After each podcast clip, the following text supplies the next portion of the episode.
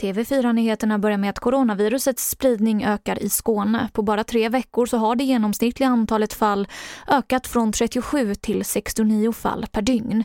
Och regionens smittskyddsläkare säger i ett pressmeddelande att man verkligen måste hjälpas åt nu så att det inte skenar iväg.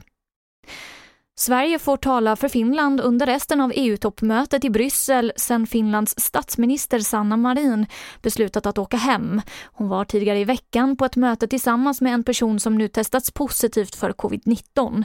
Det här meddelade det finländska regeringskansliet.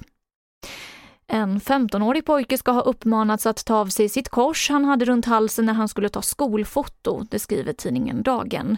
Fotografen ska ha sagt att det inte skulle bli bra på fotot, men rektorn på skolan säger att det var fel att säga så här. Det här har anmälts till Diskrimineringsombudsmannen. Och så kan jag berätta att det är allt färre som jobbar hemifrån. Det här visar data från Telia som SVT rapporterar om. Resandet till och från jobbet är förvisso lägre än innan coronapandemin men har ökat kontinuerligt sedan maj och efter sommaren. Och det var det senaste från TV4 Nyheterna. Jag heter Emily Olsson.